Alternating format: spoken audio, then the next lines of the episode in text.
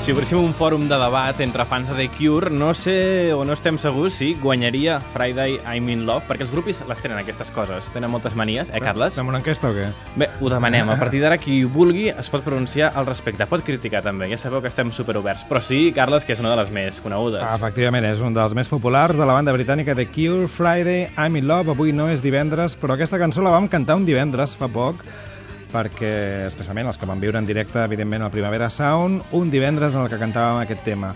Per cert, recordeu que part d'aquest concert que us va oferir CatFM en directe el podeu recuperar al nostre web i catfm.cat. Part d'ell, perquè va durar tantes hores que no hi ha Sí. prou MP3 ni streaming a la xarxa per penjar-lo, però sí, si aneu a icatfm.cat el podeu tornar a escoltar en bona part. I els 5 minuts més, eh, ja n'hem escoltat alguna versió eh, d'aquest tema. Avui, però, li toca a Dryden Mitchell. Qui és ell? Doncs més, és el líder de la banda indie californiana Alien and Farm.